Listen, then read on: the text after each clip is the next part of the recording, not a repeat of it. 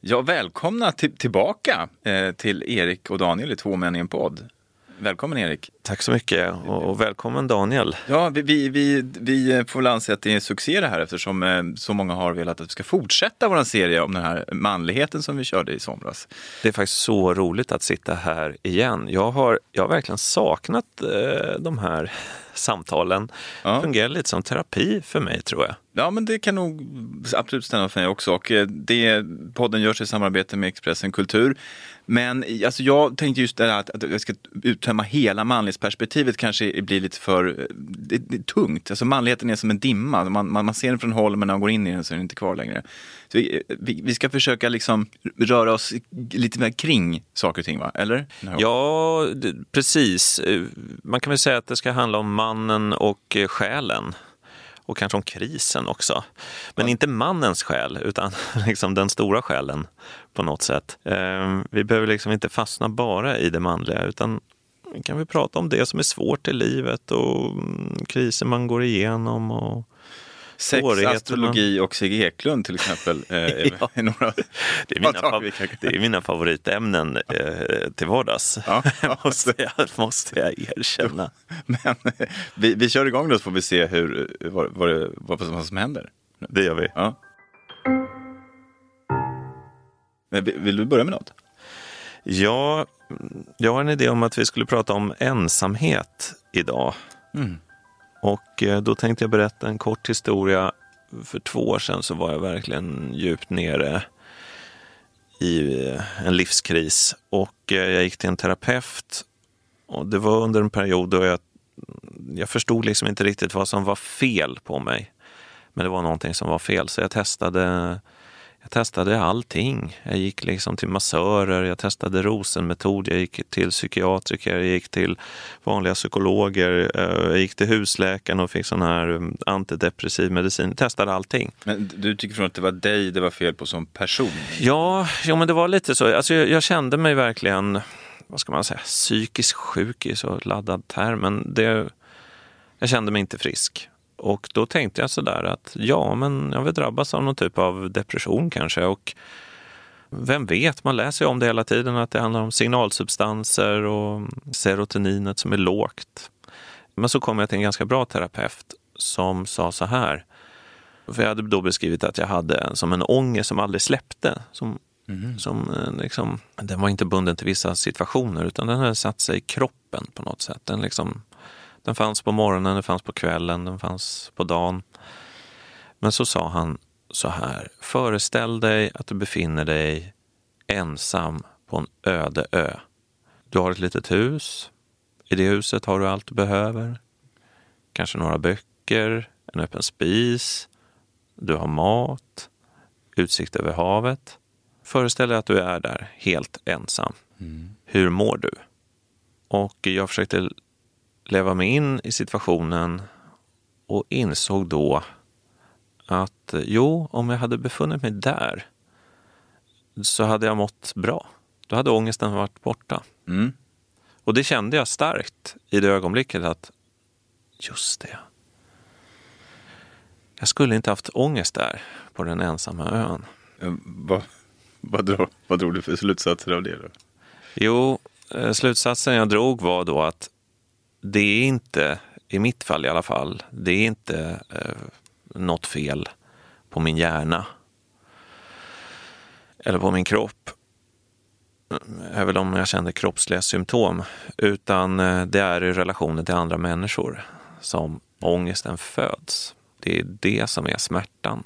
För hade jag varit helt ensam så hade jag inte haft den här ångesten. Men det betyder ju kanske inte eh, tänker jag, alltså för det första så tänker jag just på, men det beror ju på att vi, vi har satt oss för här för några dagar sedan att läsa Sigge Eklunds nya bok om livet som en njutning. Mm. Och då tänkte jag, när du pratade om den här eh, citat, liksom, idyllen med en liten stuga och allt man har. Det är lite grann det den här boken handlar om. Att ja. det, han bygger upp olika små scener där man kan säga som samlar till en sån stuga för att det handlar om, eh, liksom, eh, det riktar sig till du, eller du som, som, som går ner och köper nybakt bröd och det finns en, en, en väldigt stor omsorg om stilistiken här och liksom hur brödet luktar och smakar och sådana saker.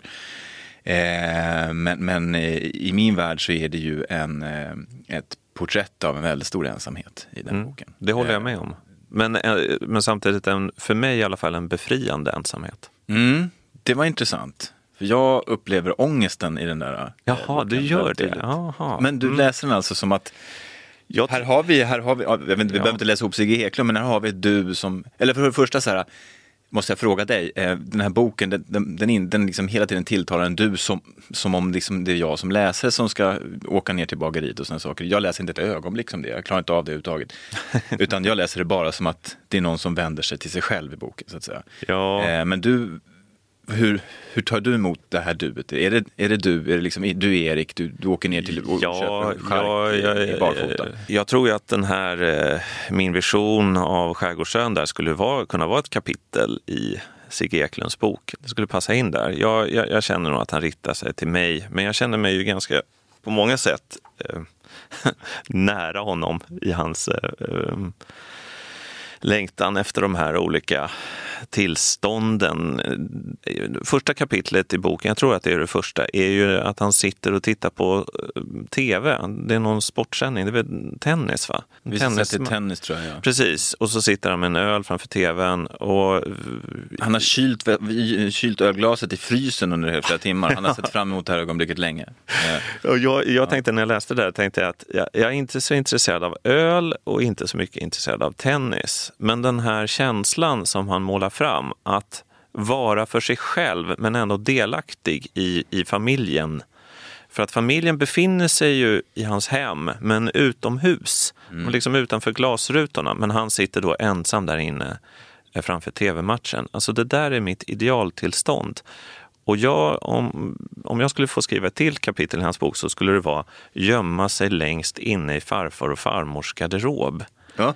För det var någonting som jag uppskattade. uppskatt, Medan de vuxnas fest pågår, så att Exakt. säga. Ja, naturligtvis ska deras närvaro finnas. Exakt, mm. det är den känslan av att det är en familje, det är någon typ av släktfest och det är ganska högljutt och folk pratar och man trivs i det.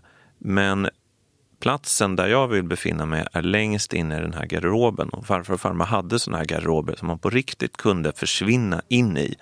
När man gömde sig där inne bland pälsarna och jackorna och kapporna så, så var man svår att hitta.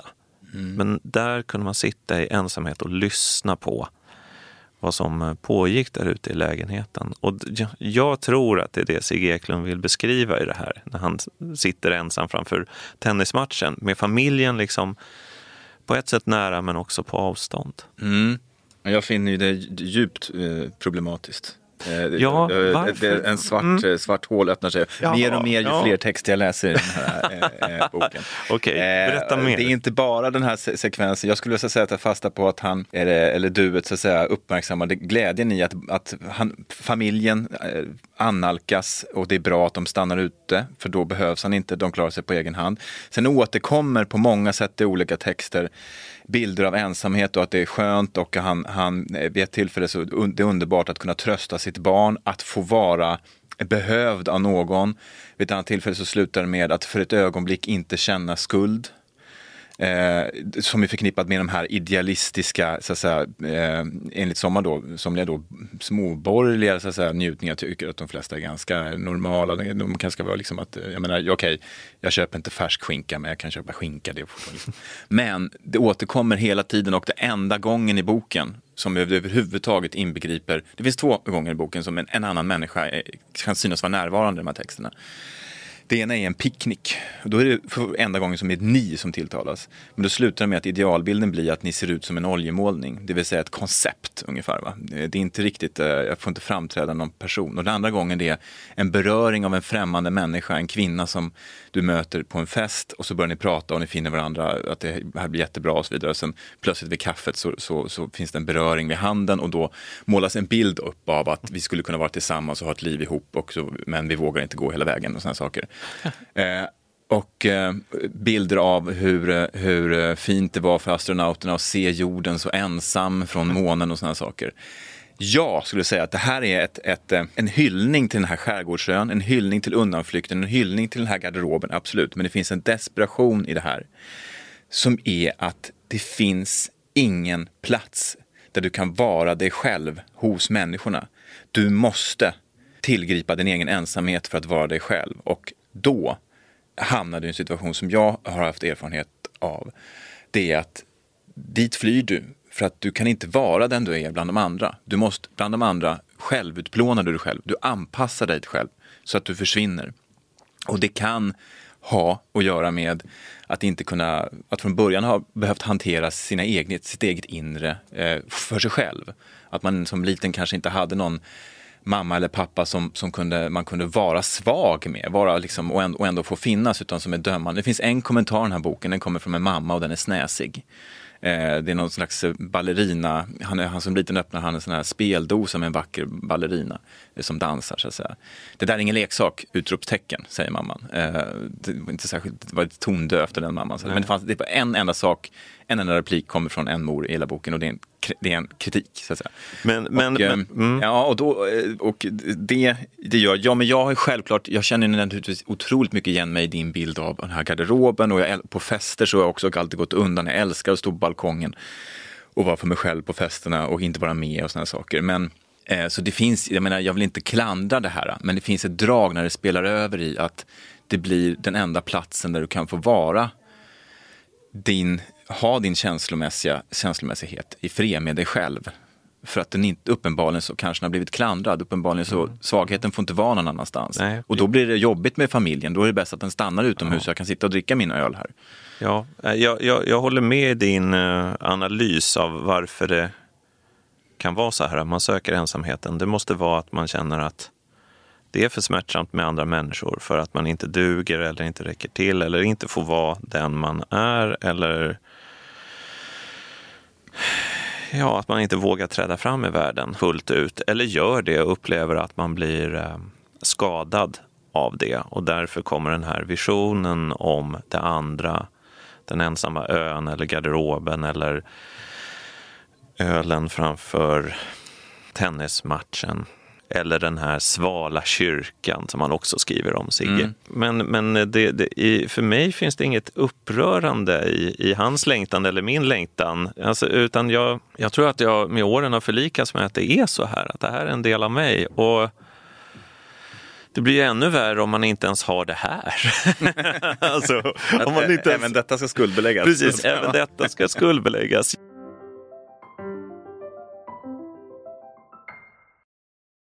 Jag tänker så här, eh, för att koppla det till manlighet. Då. Alltså, om vi börjar med vad har du för relation till eh, Muminpappan? Eh, han, han, det, jag växte inte upp med så mycket böcker så jag har inget så jättetydligt barndomsminne. Och jag har inte uppfattat honom som någonting annat än bara liksom en allmän person som inte är där så mycket. Liksom, ungefär så.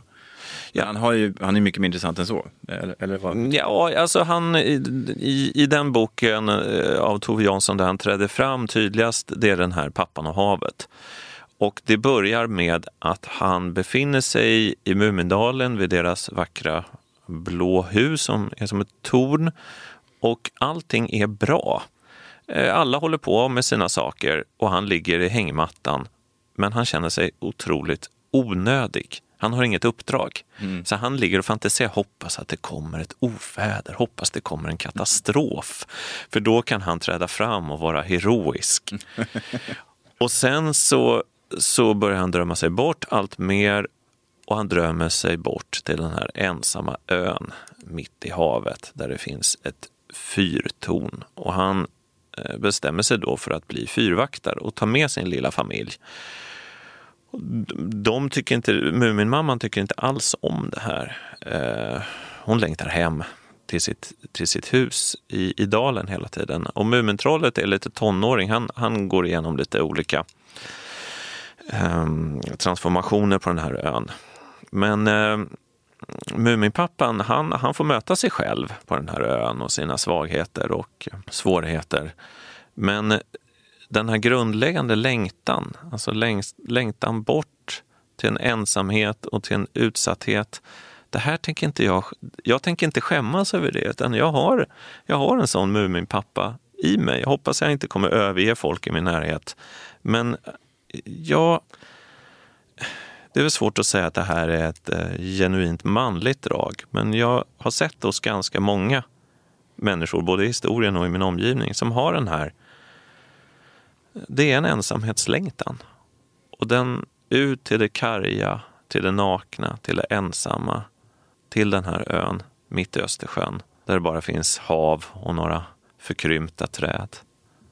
Det är, det, det är ett till kapitel då Mm. i, i, i min, Men då sitter du inte i längre- njutningsbok. Då sitter du inte längre i garderoben med andras närvaro in på dig. Utan då, ska du, då är du ju helt ensam. Mm, då är jag helt ensam. Men, eh, men, men jag har jag har också skämts över, den- över den här impulsen. Att eh, jag, jag, jag tänkte att det, det varit att jag, jag vill att jag liksom sviker någon typ av uppdrag. Men jag, jag försöker förlikas med att det finns en vila i alla fall, den fantasin som är, som är helande. Ja, min erfarenhet är ju då mer den, den kanske sorgligare sidan då. Så att, säga, att, att eh, en, en annan så att säga, variant av detta det är ju den så kallade berömda källarpappan som jag eh, blev under ett antal år här, eh, sista åren i, eh, där helt enkelt en sån pappa som går ner i källaren, eh, går undan eh, från familjelivet. Eh, det kan finnas förevändningar till att titta till pannan eller vad det nu kan vara. Vad gjorde du där nere i källaren då? Ehm, där var jag ju i fred så att säga, med mig själv. Men det hade ju i min värld berott på att, berodde ju på att jag förmodligen då hade spelat mina kort på ett sätt som, jag menar jag, jag spelar ingen roll hur det gick till men, men jag upp- upplevde att jag inte var mig där uppe på övervåningen utan jag försökte anpassa mig och vara någon annan.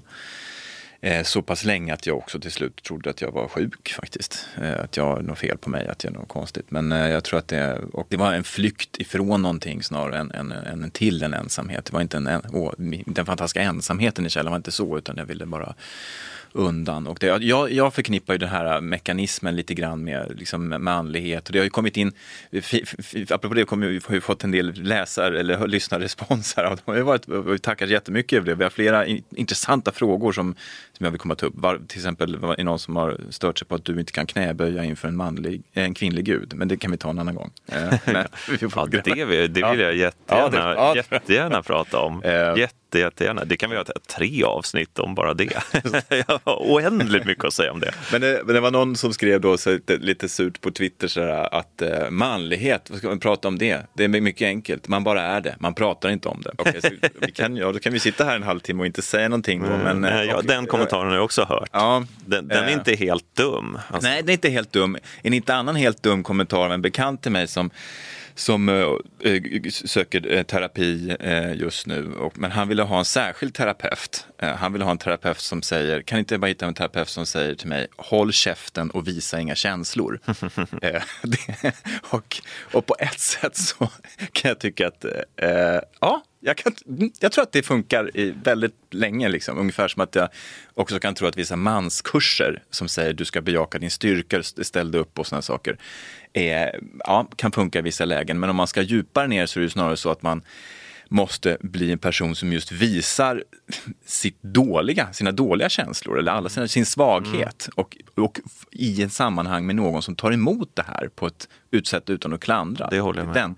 Ehm, men visst så är det effektivt att gå ner i källaren, det är, är Ja. effektivt att inte prata om det och det, och det, det har sina framgångar. Att, jag vet inte hur många gånger jag borde ha hållit käften och inte visat några känslor. Men då har kanske de känslorna jag visat varit frustration över de känslorna jag kanske inte kan visa. Absolut, det är ju det. Alltså, jag tror ju att ångest är eh, känslor som hålls tillbaka. Alltså, i, i, I mitt akuta tillstånd där kände du att ångesten tar över allt och blir som en sjukdom. Det är att det här det är de undertryckta känslorna som kommer tillbaka i form av en nästan fysisk smärta. Men, men, men det är intressant med den här källarliknelsen. Den är ju så, så psykologisk. Alltså, mannen som gömmer sig eh, nere i källaren. Jag måste bara fråga, när du gick ner i källaren, då, vad gjorde du där nere? då? I källaren? Det har varit mycket att jag tittar på Facebook eller sådana där typer och eh, eh, kanske läste någonting men jag var inte, det var inte eh, det var inte så så här, eh, nu tar jag mig en timme i källaren utan jag gick ner och dröjde med att gå upp och, men fick ingenting gjort där nere heller liksom och eh, men bara kanske eh, uttryckte mig i mina tankar på något vis. Eh, och eh, bidade tiden på något vis. på något konstigt sätt. Vänt, väntade, liksom så här, emotionellt väntade på att det skulle bli så pass möjligt för mig att gå upp där och vara mig själv där uppe. Eh, vilket ju det egentligen aldrig blev på något konstigt Nej. sätt. Eh, men jag hittade också på mängder med saker som skulle behöva göras och genom källaren så om, kunde man också då ha tillträde till tomten så att liksom, eh, källaren går ut på tomten och gör någonting och drar en ogräset. Tänker att det måste vara väldigt bra att vara romanförfattare. Alltså det är väl en, en otroligt bra anledning att sitta i en källare. Mm. Och då kan ingen klaga riktigt på en. Nej, precis. När jag, Du måste ju skriva och Ja. det gör man ofta eh, lite ensamt. Ja, precis. Skrivandet, och det är ju också en aspekt av kanske Sigge Eklunds eh, bok också. Där, att skri, den handlar ju lite grann om, om skrivandet i bemärkelsen att han vinnlägger sig om dem, vad han finner de bästa formuleringarna kring den sinnliga njutningen i någon bemärkelse. Men för skrivandet är ju frånvänt eh, världen och det ju, finns ju otaliga exempel på människor, vad, så att säga, vad, jag, vad jag förr om åren skulle sagt, vad, normala människor som är ihop med författare. Jag är beredd att ompröva den eh, hypotesen. Jag vill mena att författare också är normala människor. Men eh, där, där man upplever att eh, den skrivande partners upptagenhet vid sin egen värld. Det är ju ett, ett sätt att vara ifrån i relationen. Och jag har hört många som varit ihop med författare som säger så här, vem var han ihop med egentligen? Han var ihop med någon som han skulle gå ut och stänga dörren och så gå ut och, och liksom göra någonting kul med och sen gå in på sitt rum igen och hålla på med sina emotioner för sig själv där inne. Ja. Liksom. Eh, Men det har ju inte att göra med att man vill hålla på med sitt skrivande utan det har att göra med att man inte kan hålla på med dem tillsammans med någon annan så att säga. Ja. Men den typen av, alltså vi måste vara, vi måste vara snälla mot oss själva här. Ja. Och mot Sigge. Ja, väl. och Eh, mot Muminpappan. ja, Eh, alltså den här, eh, jag försöker i alla fall vara det, att den här, eh, det finns en, en djup, djup längtan efter en typ av karg, utsatt ensamhet. I mig finns det. Det, eh, det bara är så. Mm, I Muminpappans fotspår så började jag syssla med segling för några år sedan. Och det är en väldigt bra sån hobby om man vill utforska det här. För att man är ofta, på vintern så är man ensam eh, ute på varvet och jobbar på sin båt. Och där är det massa andra ensamma män som man inte pratar med. Man, man hör liksom att de slipar lite längre bort. Och sen på sommaren så seglar man ut då. Jag har väl inte gjort det ensam än. Jag har inte varit så skicklig att jag klarar av det. Men jag har varit någon typ av ideal att som pensionär kanske jag kan ta den här båten eh, ensam så långt ut som möjligt. Ett För det, solblekta kalsonger som hänger på tvätt som är de enda de är med dig som du har använt. ja, ja, ja, visst, visst. Och just eh, Stockholms skärgård är väldigt vacker på så sätt att den, eh, det är väldigt mycket folk eh, i innerskärgården och mellanskärgården. Men så finns det då ytterskärgården som särskilt om man inte åker i juli är lite som ett fjällandskap med små kobbar och skär. Och det mesta är naturskyddsområde så att det är bara att åka dit. Och så kan man faktiskt hitta sin ensamma ö och vara helt ensam. Det enda som låter är liksom fåglarna och vågorna. Mm. Och eh, det låter, när jag sitter, jag, jag är ju en sån här drömmare, så jag sitter och drömmer om det här ofta. Och jag målar, eh, målar fram de här visionerna som att de vore ett kapitel i, i Sigges bo, bok. Men när jag väl kommer ut till de där öarna så blir liksom fantasin sann. Det är exakt lika underbart som jag hade fantiserat om. Och jag känner då att ett, ett, ett genuint lugn sänker sig över mig där ute. Och jag är helt fri faktiskt. Och eh, skulle jag då skämmas över det så skulle jag liksom göra våld på mig själv på ett sätt som jag... Nej, det låter Det skulle vara för destruktivt. Ja. Det här är en del av mig och alla som står mig nära tror jag förhoppningsvis kan acceptera att det här är en, en del av mig. Förhoppningsvis inte hela jag, men en del av mig. Det här måste få finnas till viss del. I alla fall som en dröm. Jag tycker det är, låter som en åtråvärd eh, längtan. Jag har inte, jag, jag får ju snarare då eh, potentiellt panik efter tre timmar. Men det kan också bero på att jag är så genom inte varit ensam i mitt liv. Eh, Alltså jag har nästan aldrig varit själv. Nej. Jag har varit i, i, i relationer sedan jag var 16. Så att. Just det. Och, eh, Mm jag vet att när jag åkte om jag har åkt bort några dagar så är jag nästan som en, eh, så behöver jag gå på avgiftning. Kan, inte- kan inte gå till Konsum ens en gång utan att liksom, behöva en slags belöningssystem i form av goda mackor och sådana grejer. Ändå så tror jag nog att den där ensamheten du talar om är ändå att du har kanske en djupare eh, eh behov där. Jag har ju då skrivandet på något sätt. Där är jag, ju- där är jag, direkt tillträde till den där kobben på något vis. Men det här fysiska, tydliga, men rymmer inte också den här seglingen, tänker jag, också graden av handlingskraft? Mm. Det, det, det, Att det gör den. Fysiskt klara sig själv på något Ja. sätt med hela ansvaret för båten och alltihop. Precis, det, det är den totala Muminpappan-visionen. Att söka sig ensamheten men att vägen dit ska vara eh, strapatsrik. Mm. Så det finns ett äventyr och eh, något utsatt i hela, eh, hela projektet. Mm. Absolut. Men om säger så här då, har, har du åkt på tyst retreat någon gång? Nej, vad är det? Det, jag, jag kan, Det du får hänga med. Ja, det, det kan man mm, syssla med i, i kloster bland annat. Jag leder ju tysta retreater, kan jag avslöja. Det är lite hemlig verksamhet, eller halvt hemlig verksamhet som jag håller på med. Men det tysta leken börjar nu och sen Ja, det, sätter du dig i en bil och åker iväg. Mm, Nej, nej, det är där. det man, man, Ja, är, det- man gör det tillsammans med andra. Alltså det, det att man delar tystnaden är ju det som är häpnadsväckande. Så att det, det brukar vara torsdag kväll till eh, söndag morgon och eh, på torsdag kväll äter man middag och sen efter middagen säger man eh, nu är vi tysta och så är man tyst till söndag morgon. Men den som leder det här får prata så att när jag, jag, jag har åkt på det och också och varit deltagare men när jag leder det så får jag, får jag tala. Men eh, första gången jag gjorde det här var det otroligt omvälvande. För att jag tyckte det var så fruktansvärt. Ja, jag kan tänka mig. Jag var så stressad så att det här kom. Jaha, stressad? Jag fick en sån, eh, ett tics efter några dagar att jag, fick, jag blev medveten om saliven i munnen. Oj. För att jag använde inte munnen, jag pratade inte. Och då var det som att jag kände liksom saliven i munnen. Man har ju saliv i munnen, men om man börjar tänka på den så, så liksom strömmar den till. Så det var nästan som att den liksom stod och dreglade som en hund.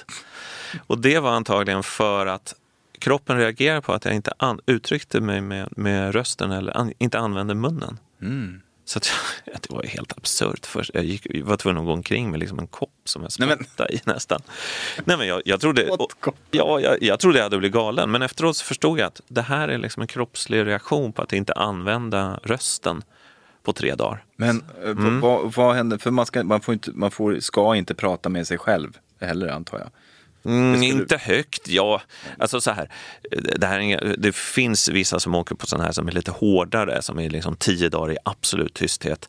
Eh, Det här är väl mer att eh, dealen är att man inte ska störa någon annan. Så att man får gå promenader i skogen och om man ringer hem då, det är ingen som blir sur. Liksom. Du, du behöver inte lämna in din mobiltelefon utan det, det är liksom eget ansvar. Att, och, och att också portionera, eller själv avgöra vilken svårighetsgrad man vill gå in eh, på. Så att, så att jag ringde hem någon dag och sa att ah, det här är så jobbigt. Så jag bröt min tystnad några gånger. Men, men, men eh, hur, jag undrar hur blir det med tankarna då? Så att, Mm. för att jag tänker att eh, tankarna snurrar ju hela tiden. Så att säga. Och, blir det någon hjälp mot snurrande tankar det här? Eller? Till en början är det helt förfärligt, men efter ett tag så är det som är helande att man är tyst tillsammans. Så att det är som att hela den här gruppen sitter inne i garderoben tillsammans i tystnad. För att det intressanta i tystnaden är att alla sociala spel och alla hierarkier försvinner. Så det som jag tror att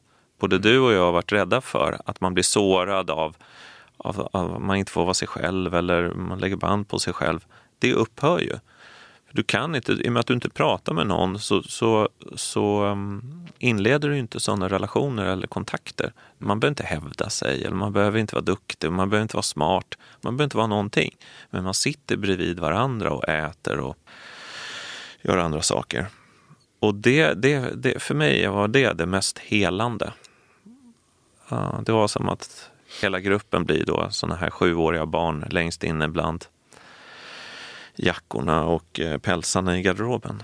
Jag kanske ska testa en sån där Mm. kurs. Mm, du kan, ehm, kan berätta när jag gör det där nästa gång. Nej, du ska inte gå med mig. Det, ska jag. Det, det blir inget bra. Nej, men, eh, nej, får nog skicka iväg själv. Men jag, just med, med talet och saliven där känner jag igen när, på ett sätt när jag började, eh, började här på Expressen på Kulturdelningen. Då jag plötsligt började skriva eh, mer till dag istället för att prata som jag har gjort tidigare som programledare. Att efter ett tag, jag märkte till att börja med att jag inte hade skrivit, jag skrev, kunde knappt stava mitt eget namn för jag hade inte skrivit ordentligt, ordentligt så att säga, på många år. Jag skrev slarvigt, an, anteckningar och så. Eh, å andra sidan efter två månader så kunde jag inte prata ordentligt längre för jag sitter på dagarna och inte, inte pratar inte längre. Jag var jätteduktig på, nej men det är som du radiomänniska du vet, att man blir ganska, ganska bra på att artikulera sig. Men ganska snart började jag sluddra liksom. Eh, eh, Men det här låter ju som en hardcore, eh, men det låter ju ganska oskyldigt också. Jag tror inte att jag skulle bli galen till exempel. Jag tror att jag, och då kanske jag klarar det ensam. Men jag är ändå, ändå nyfiken på den här attraktiva suveräniteten du, du som jag upplever som den här Mu- Muminpappans ö är till, till för. Och återigen tänker jag på eh, Sigges bok när han tröstar eh, sitt barn. Ehm, jag hade också en sån, det här låter ju, det här låter ju nästan hemskt, men jag hade ett sånt tillfälle i, i vintras där eh, det var jag och barnen och eh, hamsten dog. och det fanns ingen annan, det, det var bara jag där, så att säga, som vuxen. Och det var en det var, det var sorgligt till slut, men det var en fantastisk känsla av att nu är det, det är bara jag. Det finns ingen källarmänniska som anpassar sig till någonting annat här.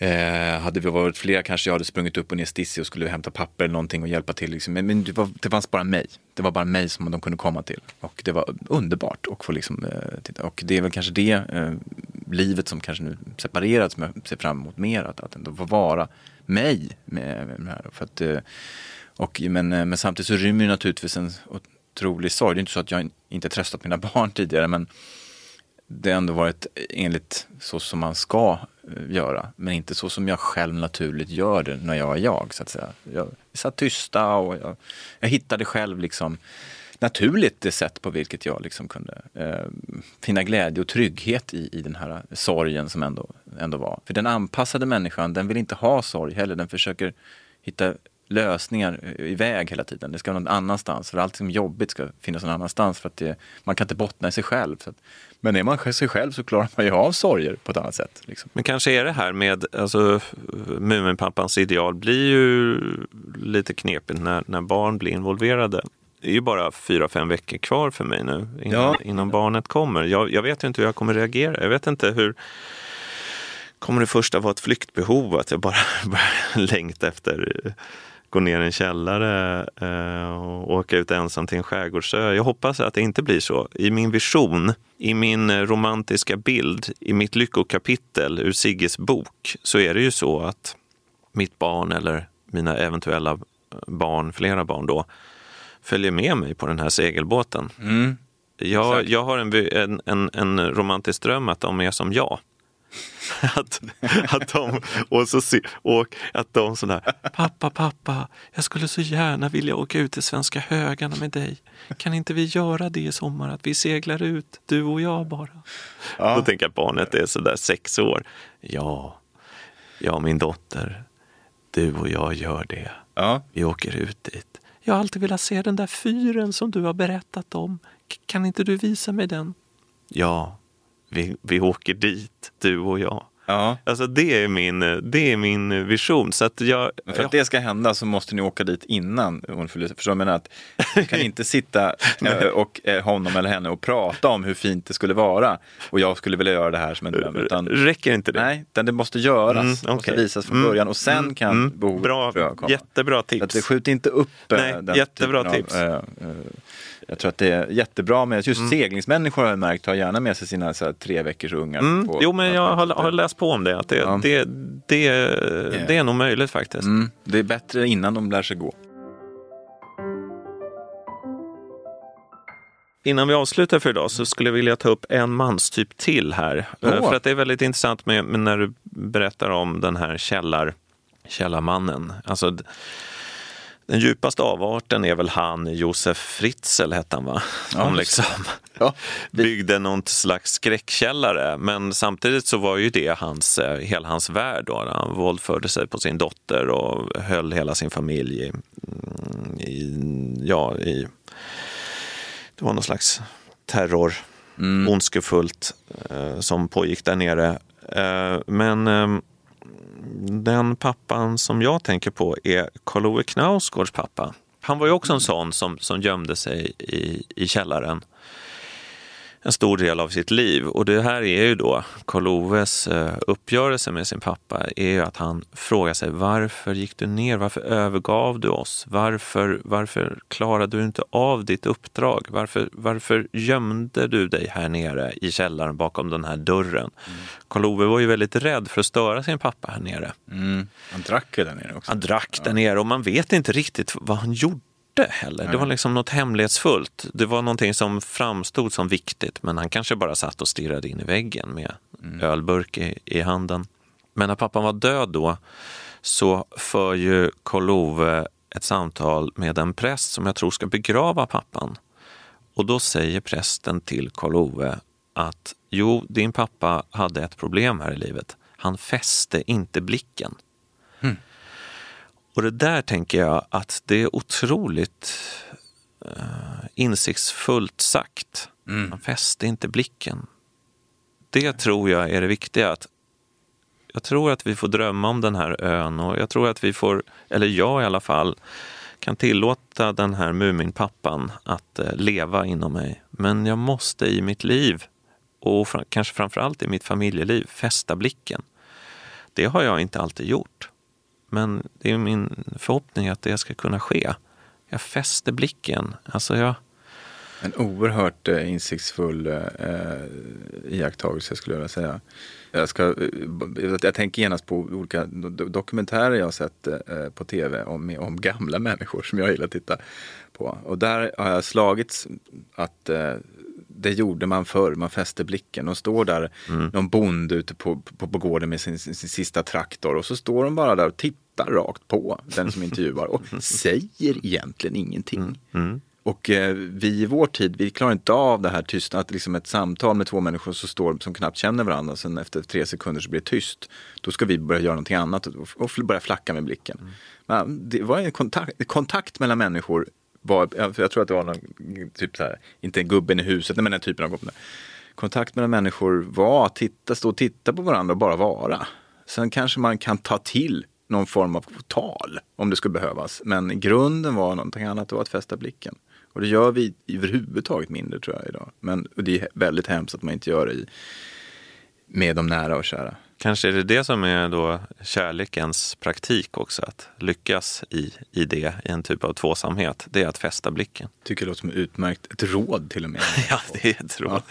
Vi, vi, vi avslutar, vi får ta astrologin och erotiken nästa gång då helt enkelt. Ja, Kanske precis. Det blev väldigt lite erotik och inte astrologi. Jag, jag kan säga att inför nästa gång då, om vi ehm, ska prata lite, vi börjar astrologin då kanske.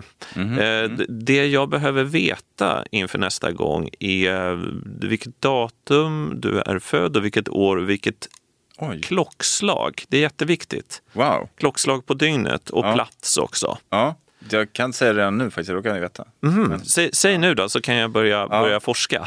Eh, klockan tre på eftermiddagen på Uppsala Akademiska sjukhus den 31 oktober 1977. Mm. Är det 3.00? Alltså Alltså 15.00. 15.00, ja. Ja. För det där är, det där är eh, Då jag ibland, brukar bli trött. ja, nej, men ibland, i, ibland eh, så handlar det faktiskt om minuter när man ska göra ett ordentligt horoskop. Åh, För nu pratar vi inte bara om liksom ditt soltecken. Jag vet ju, My att, God. jag vet ju att du är eh, skorpion. Ja, det, ja, det, Ja, men det kollar jag ju upp innan jag inleder ett sånt här samarbete. Det måste jag ha koll på annars Shit. så. Ja, och jäklar. Vad är du då? Eh, Jag är oxe.